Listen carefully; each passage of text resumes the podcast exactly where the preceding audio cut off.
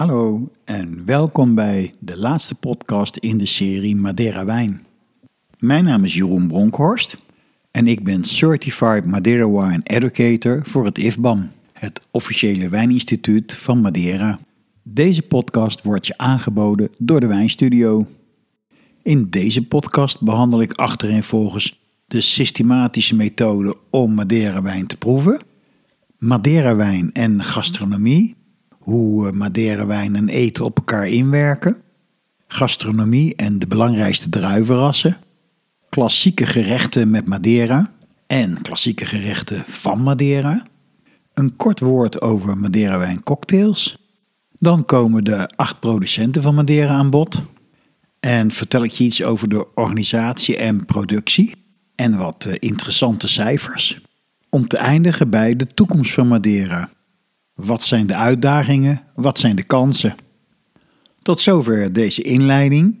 We beginnen met het proeven van Madeira en hoe de smaak in Madeira wijn ontstaat. De stijl van een wijn, ofwel de smaak, is gebaseerd op twee principes: viticultuur en vinificatie, oftewel wijnbouw en wijnmaken. In de wijngaard wordt de stijl van Madeira gevormd door het terroir, een mooi woord voor bodem en klimaat en de invloed op de druif. De snoeien- en geleidingsmethode en het moment van oogsten speelt natuurlijk ook een rol. Dan gaan we naar de wijnkelder, maar daar begint het eigenlijk al. Er zijn helemaal geen kelders. Madeira moet het hebben van een warme omgeving en een oxidatieve rijping op hout. Dat wil zeggen een permanente invloed van zuurstof. Nieuw hout komt er niet aan te pas, want uh, die smaken en aroma's van kokos en cederhout en koffie zijn niet wat we zoeken in Madeira. Francisco Albuquerque is op Madeira een zeer bekende wijnmaker en wetenschapper. Hij doet in samenwerking met een team al jarenlang onderzoek naar hoe de kwaliteit van Madeira verbeterd kan worden en wat nou eigenlijk de kenmerkende smaak van Madeira maakt. En daar is een stofje uit tevoorschijn gekomen, een smaakmaker, sotolon. Soto is het Japanse woord voor rauwe suiker. En sotolon is in feite een geoxideerde suiker. In chemische termen C6H8O3. Als ik een Madeira-presentatie geef, deel ik vaak een paar smaken uit.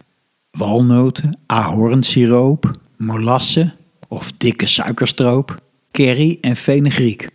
Fenugreek is een specerij, onderdeel van de meeste curry's. En voor mij een van de meest kenmerkende aroma's van Madeira.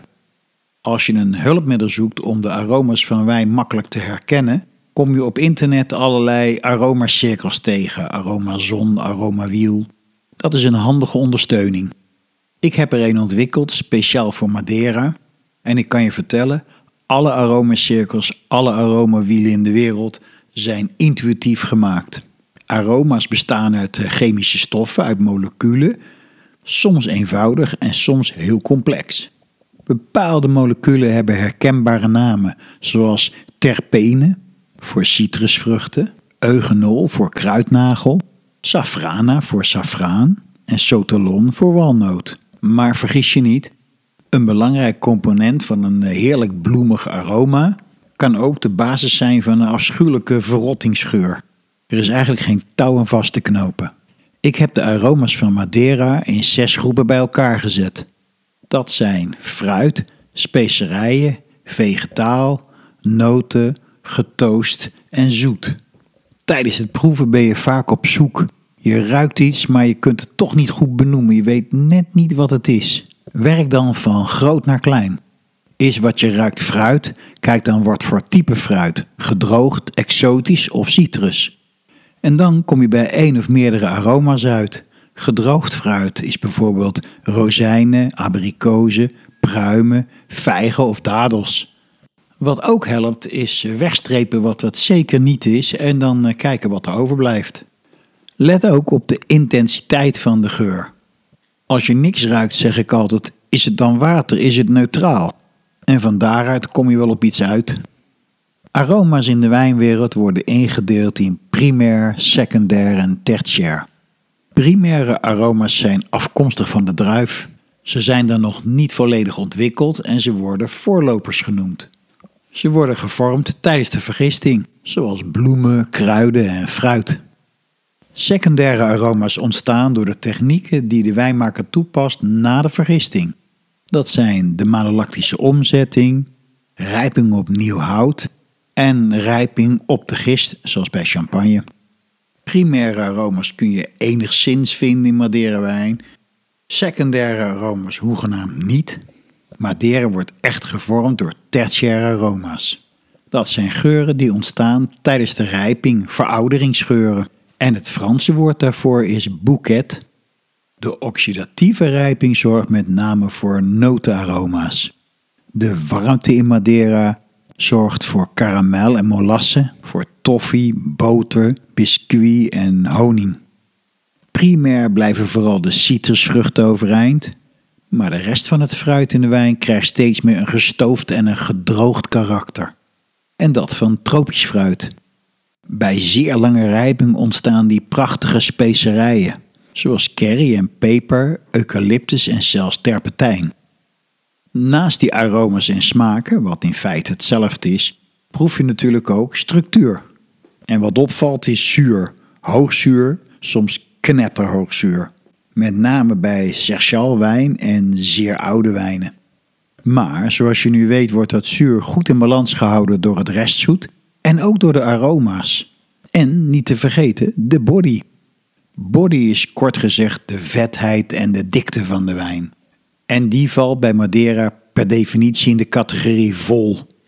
Als je twijfelt over wat body is, proef wat wijn op je tong en kijk hoe het ervan afglijdt.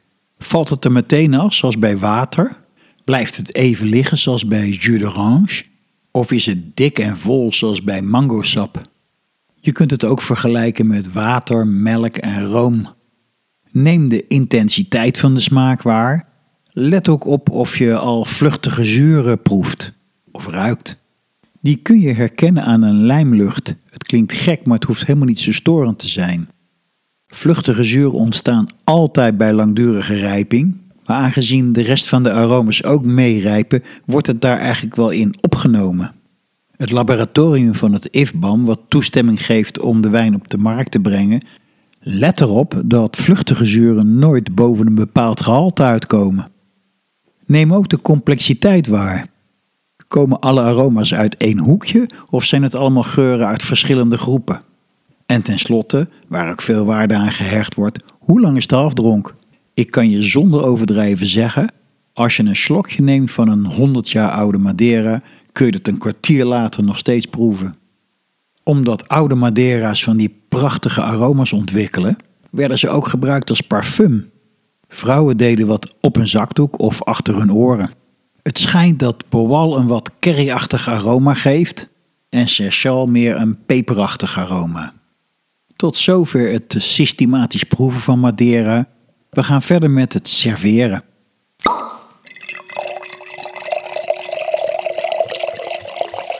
Vroeger werden versterkte wijnen in een PSV-glas geserveerd, Port Sherry Vermouth. Rampzalige glazen vind ik dat.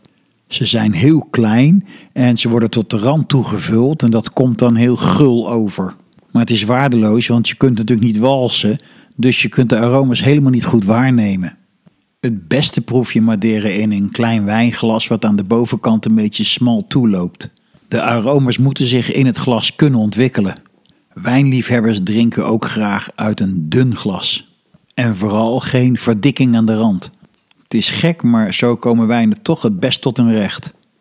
Voor de juiste serveertemperatuur zijn er diverse tips. Iedereen is het erover eens dat je Madeira enigszins gekoeld moet drinken. Jonge en eenvoudige Madeiras drink je het meest koel. Topwijnen zoals Frasqueira of alles boven de 50 jaar drink je wat minder koel. Zo kom je uit op 10 graden voor een wijn van 3 jaar tot 16 tot 18 graden voor een Frasqueira, een, een topwijn of alles boven de 50 jaar. Er is ook een indeling op serveertemperatuur naar stijl. Serchal en andere droge Madeira's drink je het koelst. Malvasia en Sweet drink je wat warmer. Zo kom je uit op 10 eh, graden voor een Serchal en 16 tot 18 graden voor een Malmsey. Ook wordt wel aangeraden om eh, Madeira te decanteren. Dat wil zeggen in een eh, karaf gieten en zorgen dat hij evenveel zuurstof krijgt. Dat doe je een uur van tevoren voor 10 tot 15 jaar oude Madeira. 2 tot 4 uur van tevoren voor 20 tot 50 jaar oude Madeira. En een nacht van tevoren voor een Frasqueira en Madeiras ouder dan 50 jaar. Ik heb eens een 100 jaar oude Madeira een nacht van tevoren gedecanteerd. Dat deed hem ontzettend goed, maar wel een praktische tip. Leg een doek over de karaf dat er geen stof en vuiling komt. Geopende Madeiras kun je een flinke tijd bewaren en dat is natuurlijk een erg gunstige eigenschap voor de horeca. De officiële adviezen zijn 3 tot 6 maanden bewaren voor een 3 jaar oude Madeira, 6 tot 9 maanden bewaren voor een Madeira van 5 tot 15 jaar en een jaar bewaren voor Madeira van 20 jaar en ouder. Eerlijk gezegd ben ik het daar helemaal niet mee eens. Je kunt jonge Madeira's een paar weken goed houden en hele mooie Madeira's een paar maanden. Anderzijds begrijp ik het niet, hoe houden mensen het vol om een prachtige Madeira een jaar lang geopend te bewaren? Bij mij is die dan al lang op. Investeren in eh, zeer goede Madeiras is uh, absoluut uh, lucratief. Top Madeiras zijn in de afgelopen vijf jaar, ik denk wel twee tot drie keer in prijs verdubbeld. Maar een tip, koop een wijn met een jaartal, niet een blend. Want een blend blijft op het etiket altijd even oud. Ik heb dat in een eerdere aflevering al eens gezegd. En dan komen we toe aan een hele fijne eigenschap van Madeira dat het zo fantastisch matcht met allerlei soorten eten. Gastronomie. Om te beginnen wil ik iets vertellen over de basis van gastronomie. Hoe eten en wijn in het algemeen op elkaar inwerken. En dan gaan we kijken naar de mogelijkheden van Madeira. Gastronomie, het samengaan van eten en wijn, is een vak apart. Je hebt hele goede chefs, en ontzettend deskundige, ervaren wijnmensen. Maar ik heb het meermaals gezien. Dat wil nog niet zeggen dat ze verstand hebben van wijn en eten samen. Sterker zelfs, soms wordt de andere kant een beetje als de vijand gezien. Vroeger had je de witte brigade in de keuken en de zwarte brigade aan de voorkant. En alle communicatie verliep via een luik. Bij dat luik werd eh, regelmatig wat afgescholden er was niet veel waardering voor elkaar. Dat is gelukkig wel veranderd. Ieder horecabedrijf beseft nu dat het gaat om de beleving van de gast. En dat dat alleen goed kan gaan als je een team bent. In sociaal opzicht is het allemaal veel beter geworden. Maar er roleren nog steeds lijstjes van wijnmensen met eten waar je voor op moet passen. Daar staat bijvoorbeeld op tomaat, curry, uien, artisjokken en asperges. Het is onzin, want bij elk van die producten is wel een goede wijn te vinden. Tomaat en Chianti gaan bijvoorbeeld vaak heel goed samen. En bij curry kijk je naar wat zoetere wijn of wat aromatische druiven zoals Gewürztraminer. Maar, nu komt het leukste, bij elk ingrediënt is er wel een passende Madeira te vinden. Omgekeerd zijn koks ook bang dat een eh, Sauvignon Blanc hun eten verpest, maar dat hoeft natuurlijk helemaal niet. Bij een biefstuk zal het botsen, maar bij het begin van de maaltijd, bij een frisse salade, doet Sauvignon Blanc het natuurlijk fantastisch. En het past bij een heleboel visgerechten. Kortom, er is altijd een goede match te vinden, maar soms moet je even puzzelen. Dan heb je een logische volgorde van gerechten bedacht en passende wijnen daarbij, maar dan blijkt dat die volgorde van die wijnen niet zo logisch is. Dat is een uitdaging. Ik zie wijnspijs altijd als een spelletje. En weet je waarom je nooit uitgeleerd raakt? Elk jaar veranderen de wijnen. Interessante wijnen zijn nooit twee jaar achtereen hetzelfde. Want druiven zijn afhankelijk van het weer. Eén basisprincipe waar iedereen het over eens is, is dat het gerecht en de wijn hetzelfde karakter moeten hebben. Dan krijg je de beste match. Hoe je dat doet, zal ik je zo vertellen. Maar er is ook een groep van mensen die zeggen dat tegenovergestelde karakters het eh, goed doen. Ik ben het daar helemaal niet mee eens. Tegenovergestelde karakters van wijn en eten versterken elkaar negatief. Een vet gerecht wordt vetter, een zure wijn wordt zuurder. Niet wat je echt wilt. Ik denk dat die mensen misleid zijn door spanning. Ik zie spanning in eten en wijn als een elastiekje. Je kunt eraan trekken en dat is misschien wel een prettig gevoel. Maar als je te hard trekt, dan breekt het. Een beetje spanning, een beetje tegenstelling geeft wel wat pit aan het geheel. Het tegenovergestelde van spanning is verzadiging. Als de wijn en het eten wat eenzijdig zijn en erg veel op elkaar lijken, dan wordt het gewoon een beetje te veel. Vet eten met een wijn die voornamelijk vet en dik en rond is, geeft je ook geen plezier. Er moet een frisser element aanwezig zijn om het geheel aantrekkelijk te maken.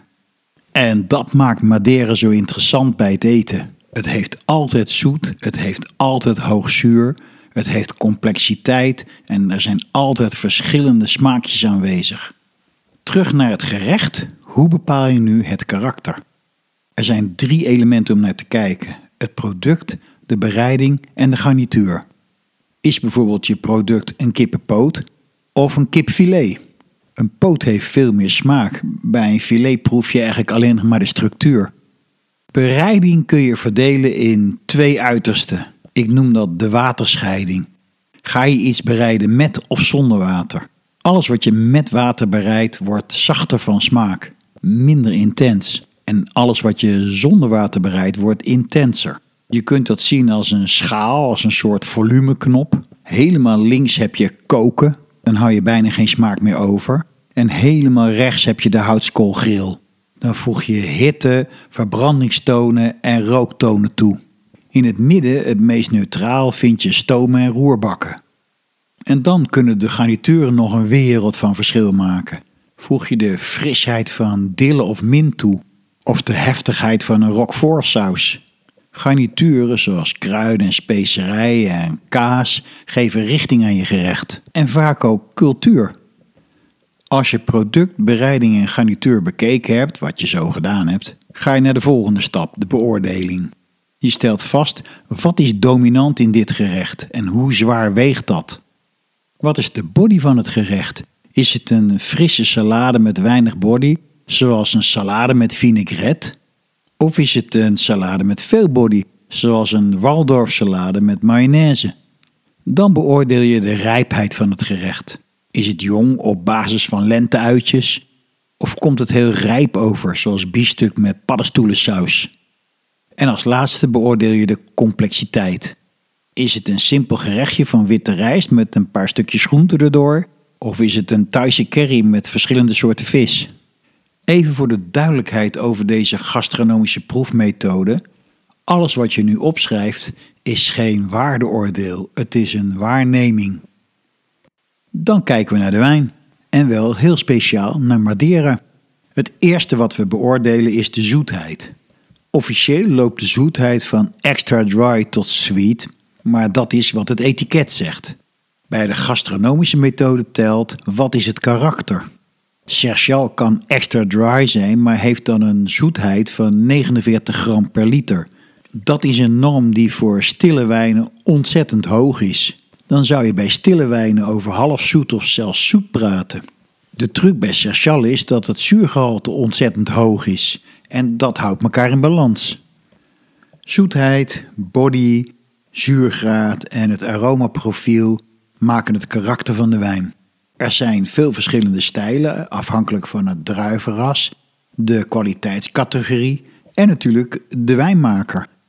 Laten we eens kijken naar de belangrijkste druivenrassen en hun gastronomische mogelijkheden. Vier witte druivenrassen, die vroeger de edele druivenrassen genoemd werden, zijn gekoppeld aan een bepaalde zoetheidsgraad. Oplopend in zoetheid zijn dat Serchal, Verdelho, Boal en Malvasia.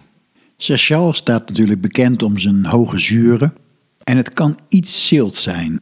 De gerechten en producten die daar goed mee samengaan zijn uh, amandelen, jonge kaas, schapenkaas, geitenkaas, allerlei soorten vis, groene appels, avocado en ananas, olijven en gember en ook heel interessant mierikswortel en wasabi.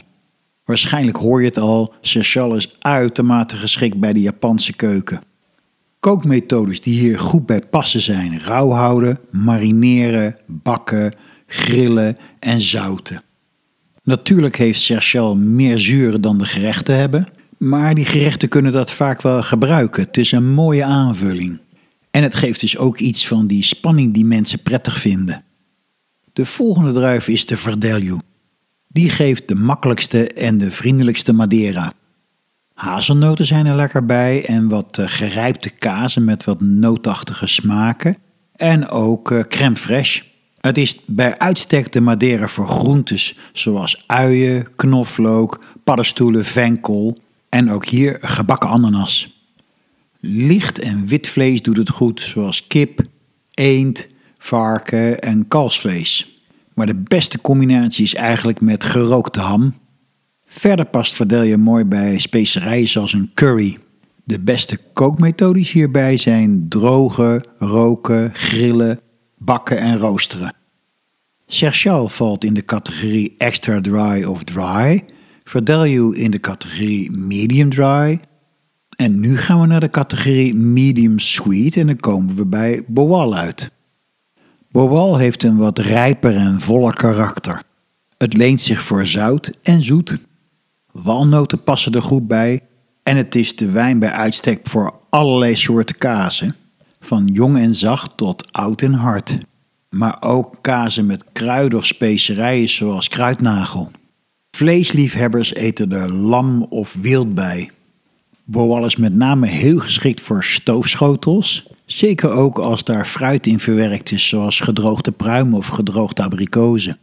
Het is bij uitstek de wijn voor zoete specerijen zoals kaneel, kruidnagel en cardamom. En kruiden zoals venkel, basilicum en fenugreek. Maar het kan ook goed de pittigheid van peper aan.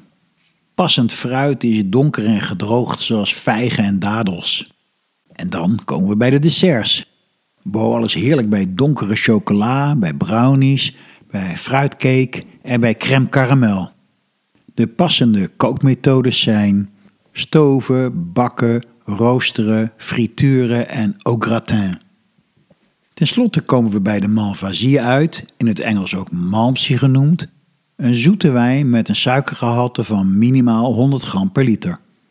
Malvasie heeft altijd een volle body en veel zeer rijp fruit. Het barst van de ontwikkelde aroma's zoals vijgen, dadels, rozijnen.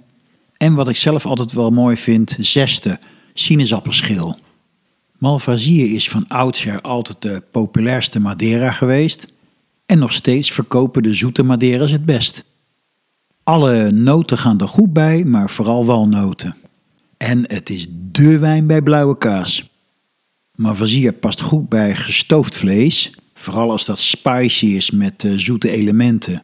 Het past bij gerechten die gemixt worden met fruit en honing en specerijen en karamel. Maar eerst en vooral is het natuurlijk een dessertwijn.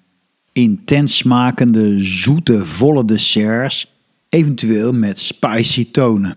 Donkere chocola, koffie, ijs, chocolademousse, gebak met noten en honing, marsepein en verrassend genoeg aardbeien.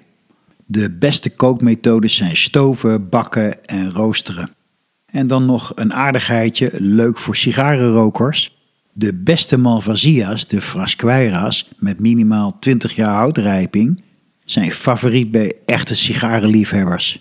De sigaar wordt voor het aansteken soms zelfs gedoopt in de Malvasia. Er zijn natuurlijk nog meer druivenrassen, zoals de Terrantes. En die doet vooral goed bij allerlei soorten citrusfruiten en zesten, bij hele zoute gerechten en gerechten met spicy smaken. Een Madeira die je ook vaak tegen zult komen is de Rainwater. Dat is geen druivenras, maar een wijnstijl. Hij is droog of medium droog, met een leeftijdsaanduiding van maximaal 10 jaar. Dit is bedoeld als een makkelijke, lichte Madeira. Een mooie combinatie geeft het met witte chocola en geconfijte grapefruit. Mijn advies voor Madeiras van 50 jaar of nog ouder is om die vooral op zichzelf te proberen. Hoogstens met één smaakje erbij, zoals gerookte ham of amandelen. Ga er rustig voor zitten en bedenk je eens hoe de wereld eruit zag in de tijd dat die geproduceerd werd en wat er allemaal gebeurd is tot nu. Je drinkt een stukje geschiedenis. Tijdens de rijping wordt Madeira steeds intenser en complexer. De zuurgraad, de vluchtige zuren en de zoetheid nemen toe. Er ontwikkelen zich steeds meer tertiaire aromen, zoals gedroogd fruit, curry, tabak, eucalyptus en noten. De gerechten die je daarbij kiest veranderen mee. Tongfilet en forel die doen het niet meer, maar nog wel een zeebaars. Kip begint af te vallen, maar in plaats daarvan krijg je wel rund, lam en wild. De kookmethodes zijn vooral stoven en sudderen, alles dat langzaam en lang bereid is. Waar je zeker ook op moet letten is de producent. Wijnen van bordjes hebben vaak wat scherpere zuren, terwijl die van blendies altijd wat zachter, ronder en zoeter zijn.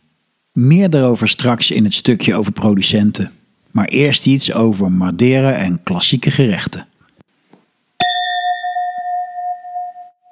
Bekend in de klassieke keuken is natuurlijk de Madeira saus. Op basis van bouillon, paddenstoelen en een flinke scheut Madeira.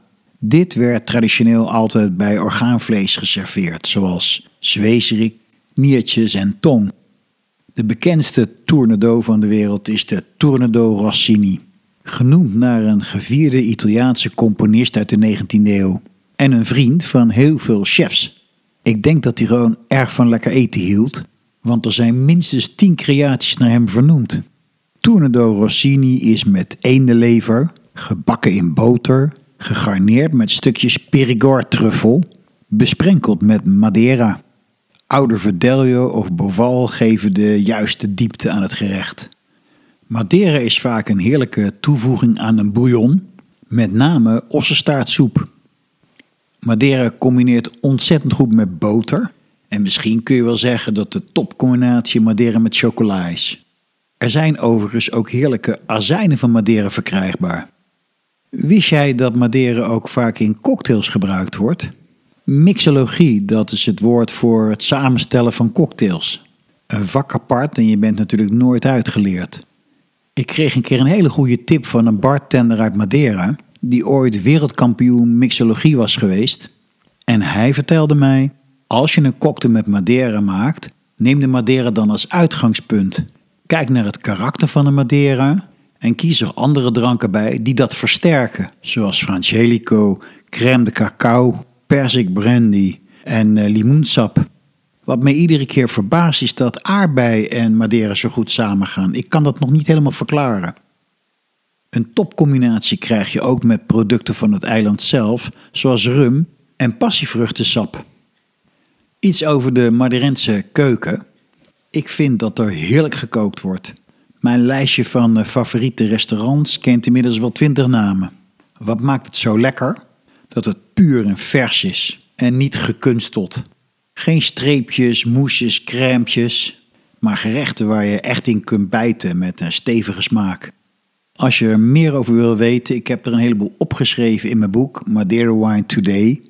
Ik zal ze nu niet opnoemen, behalve eentje, de specialiteit van Madeira. En dat is in boter gebakken degenvis met passievrucht en banaan. Altijd geserveerd met een lekkere Sergial wijn. Het klinkt bizar, maar het smaakt top.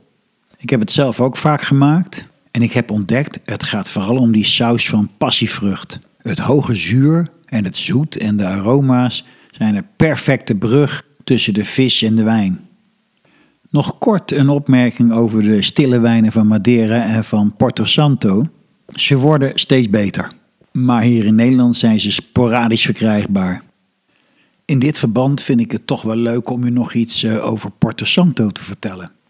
De inwoners van Madeira hebben het er altijd over hoe heerlijk het is om in de zomer op Porto Santo te zijn. Er is een 9 kilometer lang zandstrand met superfijn, superzacht zand. Zo zacht dat je daar ook een hotel hebt met zandbadtherapie. Er wordt ook wijn gemaakt, dus ik dacht, ik ga er eens een keertje kijken. Het ligt maar 50 kilometer ten noorden van Madeira. Het is een heel plat en tamelijk kaal eiland. En dat is niet altijd zo geweest. Het was er vroeger net zo groen als op Madeira. En er stonden overal van die prachtige drakenbomen. Een soort hele grote paddenstoelachtige palmen. Na de ontdekking van Porto Santo bedacht men dat het wel eh, fijn zou zijn om te zorgen voor een voorraad eten.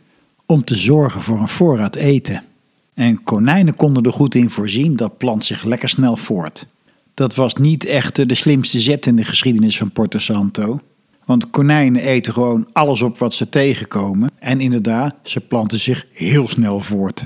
Dus op een gegeven moment was Porto Santo kaalgevroten. Het waait er continu. En de mooie drakenbomen werden allemaal gekapt vanwege het sap. En de wijngaarden moeten daartegen worden beschermd. Daarom groeien die wijnstokken allemaal tot vlak boven de grond. Vigno no ciao. Ondersteund met een stokje om te voorkomen dat de druiventrossen de grond raken. Ze maken daar wijn van de Listrao, die we allemaal eigenlijk wel kennen als de Palomino Fino, de druif van de sherry. Daarnaast is er Moscatel, maar de meest interessante is de Caracol. Waarschijnlijk alleen maar te vinden op Porto Santo. Een wijnmaker daar ontving wat wijnstokken van een vriend uit Zuid-Afrika. Die heeft die aangeplant. En niemand wist eigenlijk precies wat het was. Maar ze hebben ze maar Caracol genoemd. En dat betekent slak. En het was blijkbaar de bijnaam van die wijnmaker. Dat moet toch een beetje een uh, sloom persoon geweest zijn. Er wordt op Porto Santo stille wijn gemaakt, maar je mag van de druiven daar ook Madeira maken. En dan komen we toe aan het volgende deel van deze aflevering over Madeira, de producenten.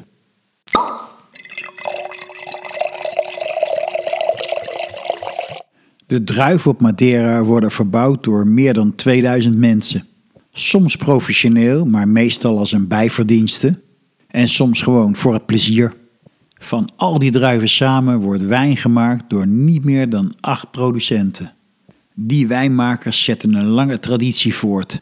En ik vind dat ze veel respect verdienen, want ze zijn stuk voor stuk erg goed in hun vak. Ik ga die bedrijven noemen in volgorde van hun oprichting. Te beginnen in 1811 met Blendies. Ik vermoed dat Blendies wel het meest bekende Madeira wijnbedrijf is. Met reclame en marketing timmeren ze flink aan de weg. In 1808 arriveerde John Blendy op Madeira met een letter of recommendation uit Londen, waarin stond dat hij ziek was en op zoek was naar een baan als boekhouder. Niet echt een flitsende binnenkomer, maar blijkbaar voelde hij zich erg goed thuis op Madeira, want slechts drie jaar later richtte hij zijn eigen bedrijf op. Zijn zoon Charles Rippet nam het over en die geloofde zo erg in Madeira wijn dat hij een heleboel leningen aanging om voorraden op te kopen van uh, wijnmakers die het voor gezien hielden. De zoon van Charles Rippet waren er zo van overtuigd dat hij zijn ondergang tegemoet ging dat ze hun eigen bedrijf oprichtten. Maar in 1872, toen Charles Rippet al lang met uh, pensioen was en de Phylloxera de wijngaarden van Madeira vernietigde, bleek dat hij een hele vooruitziende blik heeft gehad. Er was een groot tekort aan Madeira-wijn en zijn uh, oude voorraden brachten heel veel geld op. In 1913 waren er drie bedrijven, waaronder uh, Blendies, die besloten samen te gaan en uiteindelijk in 1981 werd dat de Madeira Wine Company. In de loop der tijden werden allerlei bedrijven opgekocht die het niet meer volhielden. De belangrijkste merken van de Madeira Wine Company zijn nu Blendies, Cossa Gordon, Leacox en Miles. Cossa Gordon herken je aan verfijning. Leacox en Miles kom je bijna niet meer tegen, maar Blendies is het vlaggenschip. Blendies Madeira's zitten aan de bovenkant van de zoetheidsgraad, dat wat toegestaan is. Ze zijn altijd vol en rijk en voor mij zijn het de kampioenen van de Malvasia, die ze trouwens Malmsey noemen, de Engelse benaming. De Madeira Wine Company heeft het geluk dat ze de beroemdste wijnmaker van Madeira in huis hebben. En dat is Francisco Albuquerque. Een wetenschapper die heel veel waardevol onderzoek doet naar de smaak van Madeira-wijn. De tijdlijn volgend komen we in 1850 uit bij Henriques Henriques, opgericht door twee broeders. Aanvankelijk verkochten ze hun druiven aan eh, andere bedrijven, maar eh, na de verwoestingen van de druifluis en de opening van het Suezkanaal besloten ze dat ze niet meer afhankelijk van anderen wilden zijn en gingen ze wijn onder hun eigen naam verkopen. Henriques Henriques is het enige bedrijf wat nog zoveel eigen wijngaarden bezit, 11 hectare. Ook zij hebben in de loop van de jaren allerlei andere merken opgekocht. Ze werken nauw samen met Justino's. De wijnmaker is eh, Umberto Jardin en ik noem hem altijd de filosoof. Hij stelt je altijd een hoop interessante vragen. Henriques Henriques heeft een hele schone, zuivere stijl van wijn. En ze worden ook vaak gebruikt in de WGT-examens. Ook in 1850 werd D'Oliveiras opgericht en dat is nog altijd een familiebedrijf. De wijnmaker is Felipe d'Oliveira. Zij hebben een hele interessante strategie aangehouden. Ze verkochten niet buiten het eiland. En ze verkochten niet meer dan 20% van hun voorraad. Dat vraagt dus heel, heel veel geduld. Maar vandaag de dag beloont zich dat enorm. Want oude Madeiras zijn in de afgelopen vijf jaar wel drie keer duurder geworden. En ze hebben de grootste voorraad van Madeira. Sinds 2022 is D'Oliveira's ook in Nederland te koop. In Funchal hebben ze een hele toeristische ruimte ingericht, maar je kunt daar fantastische proeverijen mee maken. Wat mij betreft is Boal hun topdruif. Dan gaan we door naar 1870, de oprichting van Justinus. Tegenwoordig het grootste Madeira wijnbedrijf. Justinus is samengegaan met La Martiniquaise, een Frans bedrijf, en daardoor is er enorm veel geld beschikbaar gekomen. Ze hebben een voorraad van maar liefst 8 miljoen liter wijn, waarvan 2,5 miljoen liter op hout. De wijnmaker is Juan Teixeira en de commercieel directeur is Julio Fernandez. Voor mij lijken het vaak wel broers, want ze kunnen het heel goed met elkaar vinden. De stijl van Justinus is net als H&H heel zuiver, heel puur, heel schoon. Justinus verdient heel veel geld met de verkoop van modified Madeira. Dat wil zeggen Madeira waar peper en zout aan toegevoegd is, die in kleine flesjes verkocht wordt, met name aan Japan en Frankrijk. Justinus heeft echt een vooruitziende blik gehad wat betreft de Tinta Negra druif. Die werd altijd gezien als het werkpaard van matige kwaliteit. Nu is Tinta Negra opgenomen in de lijst van aanbevolen druivenrassen. En ik heb een indrukwekkende Tinta Negra 1995 van Justinus geproefd. Juan Teixeira en Julio Fernandez zijn ook fantastische gastheren. Ze kennen alle lekkere restaurants van Madeira.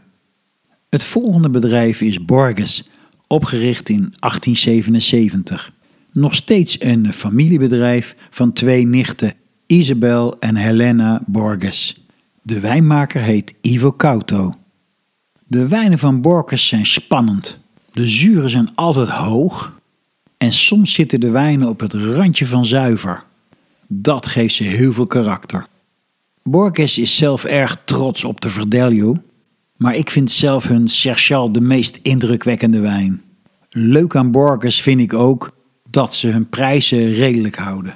Je krijgt de meeste waar voor het minste geld. Direct na de Tweede Wereldoorlog in 1946 werd Barbeito opgericht. De wijnmaker is Ricardo Diego. En hij wordt wel het enfant terrible van Madeira genoemd. Hij experimenteert er stevig op los. Proeverijen bij Ricardo zijn altijd een feestje. Soms krijg je jonge, ongebottelde wijnen te proeven. En dan weer een serie van 50 jaar oude Bastardo's, een druif die bijna niet op Madeira voorkomt. De wijnmakerij ziet er prachtig uit. Alle wijnvatranden zijn eh, rood gelakt. En soms zijn de deksels helemaal vervormd door de warmte. Barbaito-wijnen zitten in tegenstelling tot blendies met een suikergehalte helemaal aan de onderkant. Want Ricardo Diego zoekt elegantie. Voor mij is Barbaito zo leuk omdat er altijd weer nieuwe dingen vandaan komen.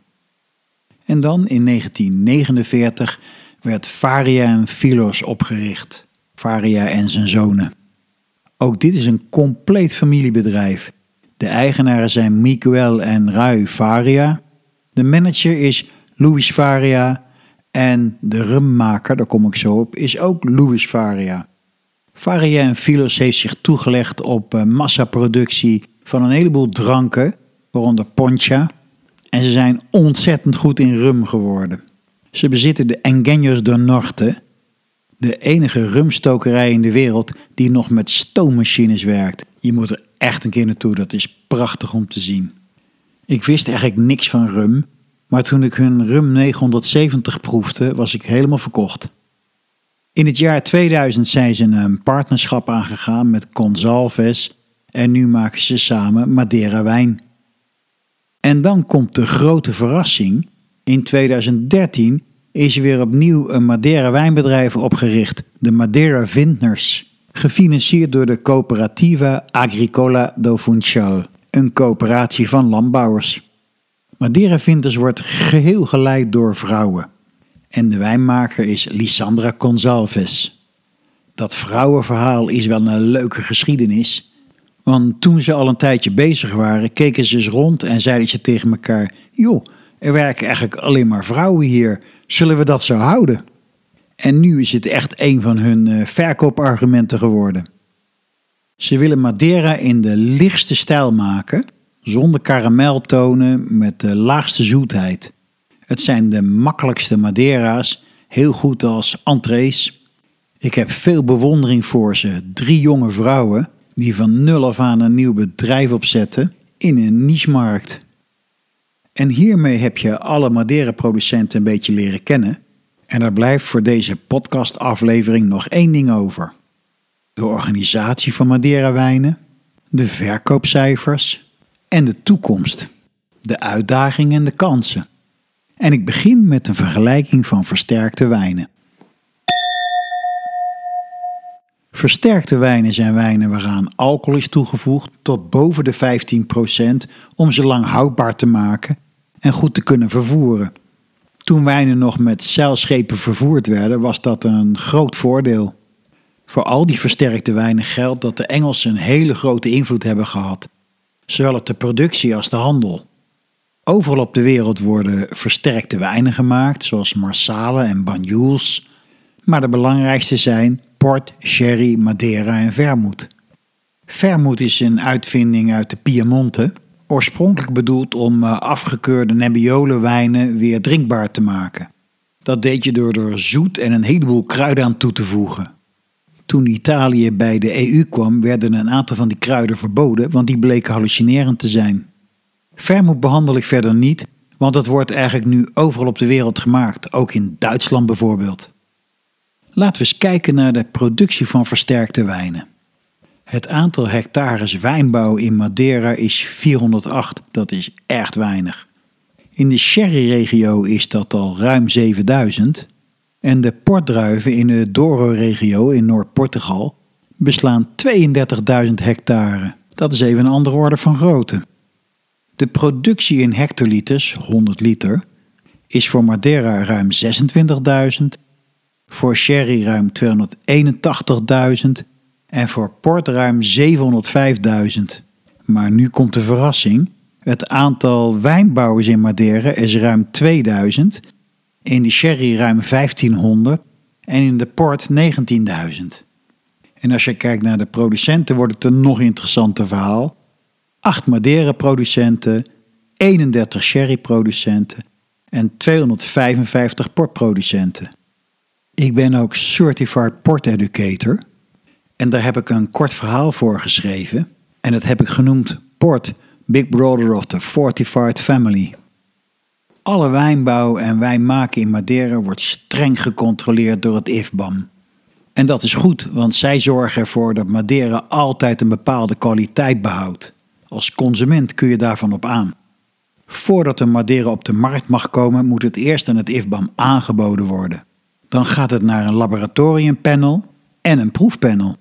Die werken onafhankelijk van elkaar. En ze weten ook niet van wie de Madeira afkomstig is en hoe groot de partij is. Ze krijgen alleen de opdracht mee: deze Madeira komt op de markt als 10 jaar oud.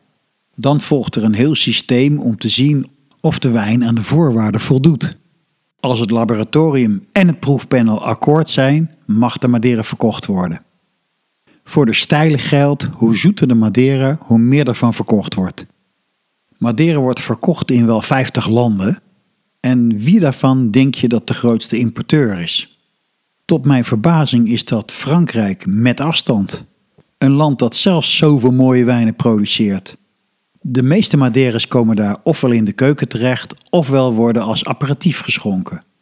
Daarna volgen Duitsland, Engeland, Madeira zelf, de Verenigde Staten, Japan, België, Portugal het vasteland, Zwitserland, Zweden, China en dan als twaalfde kompas Nederland met een import van ruim 50.000 liter. En tenslotte wil ik graag nog wat zeggen over de toekomst van Madeira. De grootste uitdaging is de wijnbouw. Madeira-druiven worden verbouwd op terrassen op steile hellingen. Soms moet je met een trap er naartoe om ze te plukken. Het is tamelijk zwaar werk en het levert niet heel veel geld op. De meeste jonge mensen hebben daar geen zin meer in, dus wat gaat de toekomst brengen? Ik hoop dat er straks nog genoeg mensen zijn die het voort willen zetten. Wij maken Juan Teixeira van Justinus voegde daar nog wat aan toe. Hij zei: Die wijnbouwers leveren ons niet alleen druiven, ze zijn ook verantwoordelijk voor het landschap. Als niemand die terrassen meer wil onderhouden, ziet Madeira er straks heel anders uit. Een andere bedreiging zijn de hotels, die op de warmste, zonnigste plekken neergezet worden. Daar waar druiven het ook erg goed doen. En ook dat levert veel meer geld op. Madeira heeft geen glas, geen kurk en geen kartonindustrie, dus alles moet geïmporteerd worden en dat is duur. En Madeira is, zoals je weet, een alcoholische drank.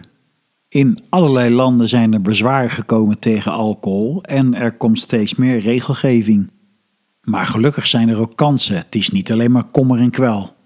Oude druivenrassen zoals Terrantes en Listrau en Bastarde zijn nu erg in trek. En ook Complexa komt op. Voor de horeca biedt Madeira eigenlijk heel veel kansen. Het is een niche product en je kunt een fles gemakkelijk geopend een paar weken goed houden. Bovendien is Madeira enorm veelzijdig inzetbaar bij het eten. Dankzij de invoering van eh, de Coyite-kwalificatie, de jaartallen op het etiket, zijn Madeiras een stuk interessanter geworden. En ook doet de Madeira Wine Educator Course ontzettend goed werk. Ik beschouw het als een van de beste, zo niet de beste wijnopleiding die ik ooit van mijn leven gehad heb. Gegeven door superprofessionals. Op www.madeirawijn.nl vind je een webshop en daarop kun je het boek kopen Madeira Wine Today. Alles van deze podcast staat erin en nog veel meer. Het is vooral ook bedoeld als een naslagwerk. Ik wil je hartelijk bedanken voor het beluisteren van deze podcast. Want zonder luisteraars heeft het allemaal geen zin. Als je alle vier de afleveringen gevolgd hebt, weet je veel meer over Madeira dan in reguliere opleidingen verteld wordt. Koop lekkere Madeira, ga het lekker proeven en nog leuker, ga er naartoe. Maak afspraken met de wijnmakers, ga lekker eten, ga wandelen over die prachtige levada's, ga genieten van de natuur. Ik wens je heel veel plezier mee. Mijn naam is Jeroen Bronkhorst en deze podcastserie wordt je aangeboden door de Wijnstudio. Tot de volgende keer.